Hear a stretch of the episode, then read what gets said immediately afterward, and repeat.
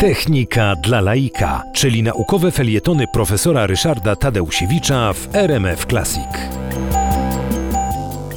Połączenie silnika elektrycznego i akumulatora doprowadziło do tego, że można było pomyśleć o napędzaniu y, tą energią zgromadzoną w akumulatorze jakiś pojazd.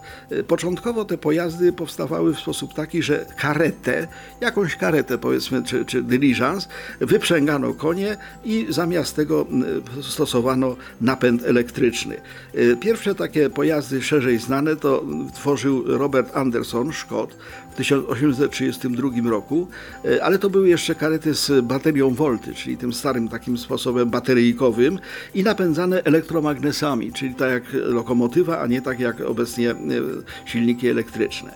No ale potem e, zaczęły kolejne takie konstrukcje powstawać. W 1833 roku Holender Sibardus Grongen no, wybudował właśnie taki pojazd, właśnie też na zasadzie karety napędzanie elektrycznie. Natomiast no, pionierem i wielkim orędownikiem e, samochodów elektrycznych był e, Francuz Charles Dantout.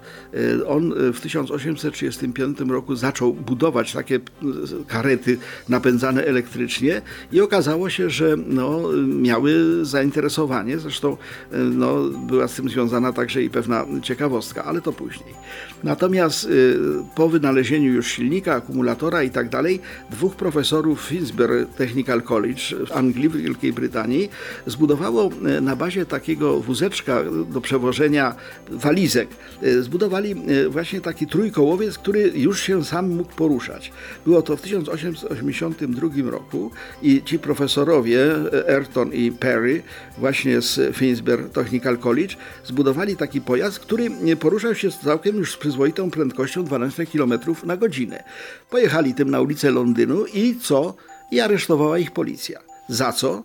No nie za przekroczenie szybkości, bo 12 km na godzinę to jeszcze nie była e, taka szybkość, ale w Wielkiej Brytanii obowiązywało wtedy prawo, które nazywało się Red Flag Act, e, prawo czerwonej flagi.